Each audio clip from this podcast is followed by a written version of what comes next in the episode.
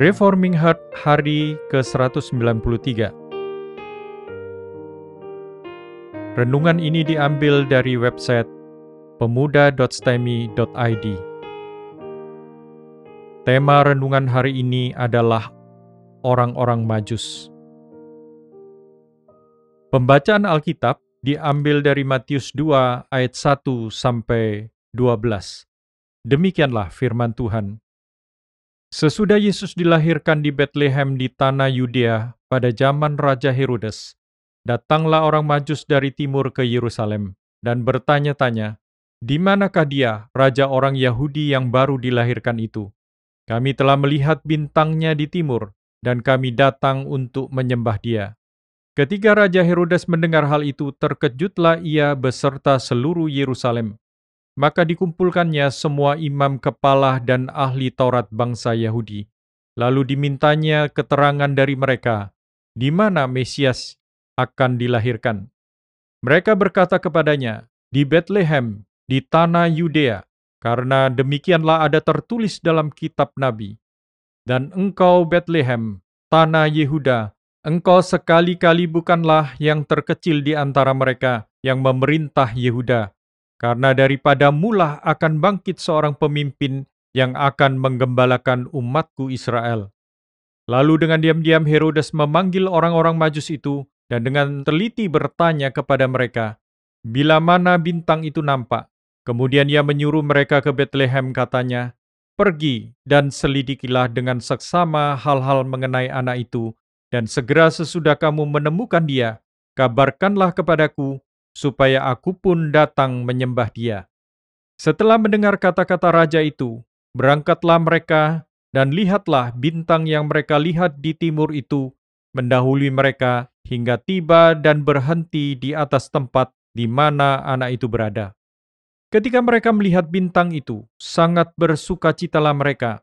Maka masuklah mereka ke dalam rumah itu dan melihat anak itu bersama Maria ibunya, lalu sujud menyembah dia. Mereka pun membuka tempat harta bendanya dan mempersembahkan persembahan kepadanya, yaitu emas, kemenyan, dan mur.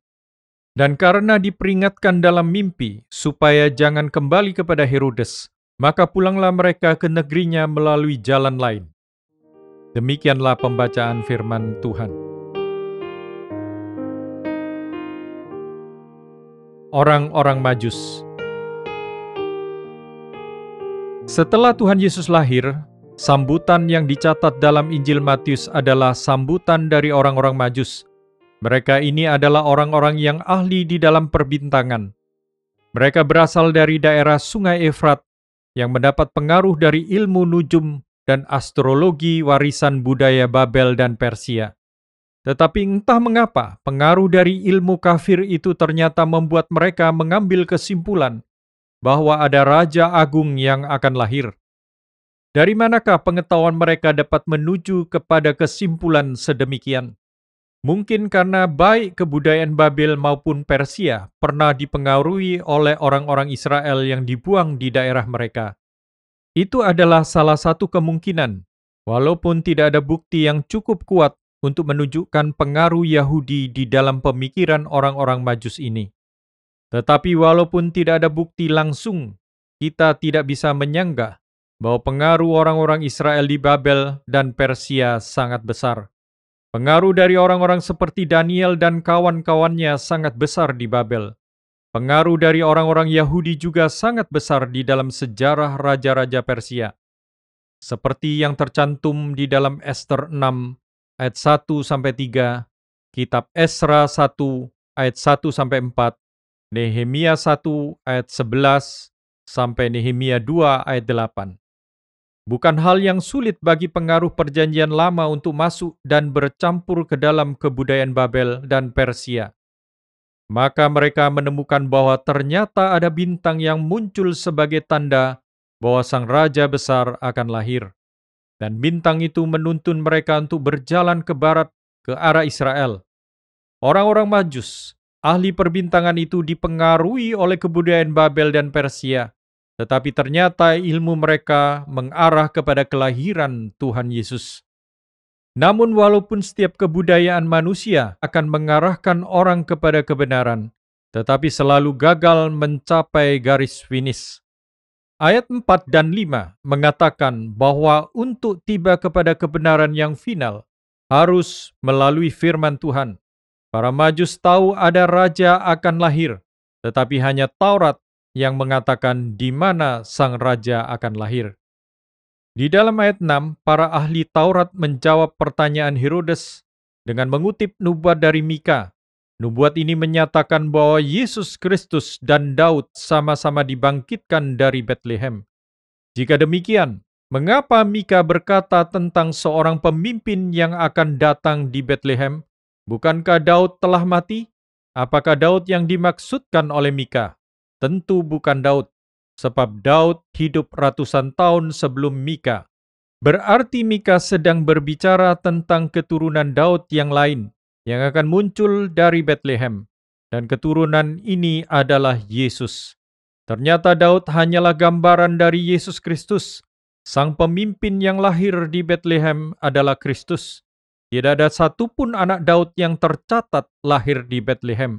Hanya Kristus sajalah yang dengan tepat memenuhi nubuatan ini. Tuhan membuat Kaisar Agustus memberikan perintah untuk sensus penduduk yang mewajibkan semua orang pulang untuk mendaftarkan dirinya di daerah asalnya. Sehingga Yusuf harus pulang ke Bethlehem dan bertepatan dengan kedatangannya ke Bethlehem itu, Maria melahirkan Yesus, anak Daud. Di dalam Lukas 2 ayat 1 sampai 7. Ayat 7 dan 9 menggambarkan kelicikan Herodes. Dia berpura-pura ingin menyembah sang raja yang baru lahir itu Padahal niat hatinya adalah untuk membunuh saingannya, seperti Saul mendengki Daud karena membahayakan tahtanya. Demikian juga Herodes membenci Kristus yang membahayakan tahtanya.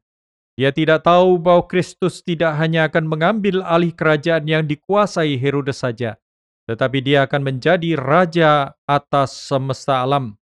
Kepura-puraan ini bahkan menipu orang-orang majus itu, sehingga mereka perlu diberitahu oleh malaikat tentang kejahatan di dalam hati Herodes. Ayat yang ke-12. Maka para majus itu dituntun oleh bintang hingga di dalam ayat yang ke-10 dan ke-11 dikatakan bahwa bintang itu menunjuk rumah, bukan kandang, tempat Yusuf, Maria, dan bayi Yesus tinggal. Bagaimana bintang itu dapat menunjuk rumah tempat bayi itu berbaring? mungkin dengan cahaya yang tertutup oleh awan dan hanya menyisakan suatu sorot yang menerangi rumah itu. Betapa tekun orang-orang Majus itu mencari Tuhan yang lahir di Bethlehem. Mereka berjalan begitu jauh dan mempersiapkan pemberian yang sangat tepat, menggambarkan pelayanan Tuhan Yesus di bumi. Mereka mempersembahkan emas, lambang kemuliaan yang dengan tepat menggambarkan kemuliaan Tuhan Yesus. Mereka juga mempersembahkan kemenyan yang melambangkan doa yang dipanjatkan kepada Allah.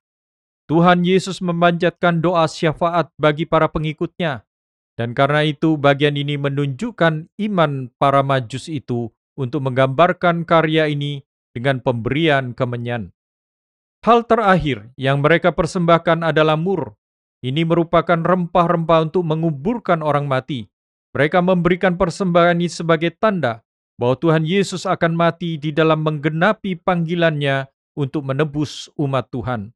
Bagaimana mungkin mereka memiliki ketepatan yang sedemikian baik untuk menggambarkan tentang panggilan Tuhan? Bagaimana mungkin orang-orang kafir ini memiliki wahyu yang bahkan tidak dipahami oleh orang-orang Israel sendiri tentang kematian dan kebangkitan Kristus? Alkitab tidak memberitahu kita bagaimana orang-orang Majus itu mengetahuinya. Tetapi yang lebih penting adalah pesan dari Injil Matius sendiri, bahwa ternyata ada orang-orang dari seberang sungai Efrat yang dianggap orang kafir, yang tidak mengenal Allah sebaik orang Israel ternyata lebih peka ketika rencana Tuhan digenapi di dalam kedatangan Yesus Kristus. Tuhan memberikan kepekaan rohani yang jauh lebih baik kepada orang-orang Majus itu.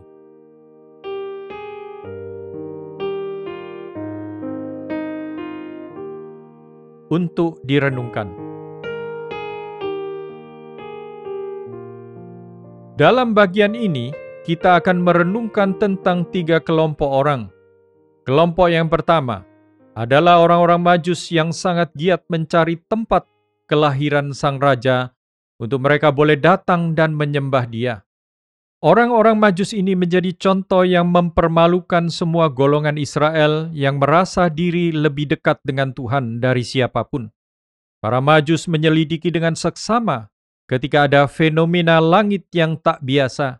Mereka akhirnya memutuskan untuk berangkat dan tanpa mengenal lelah terus mencari tempat di mana Kristus dilahirkan.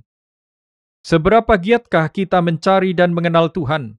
Begitu banyak pelayanan yang diberikan oleh orang-orang Kristen tanpa ada dedikasi yang tinggi dan niat memberikan yang terbaik.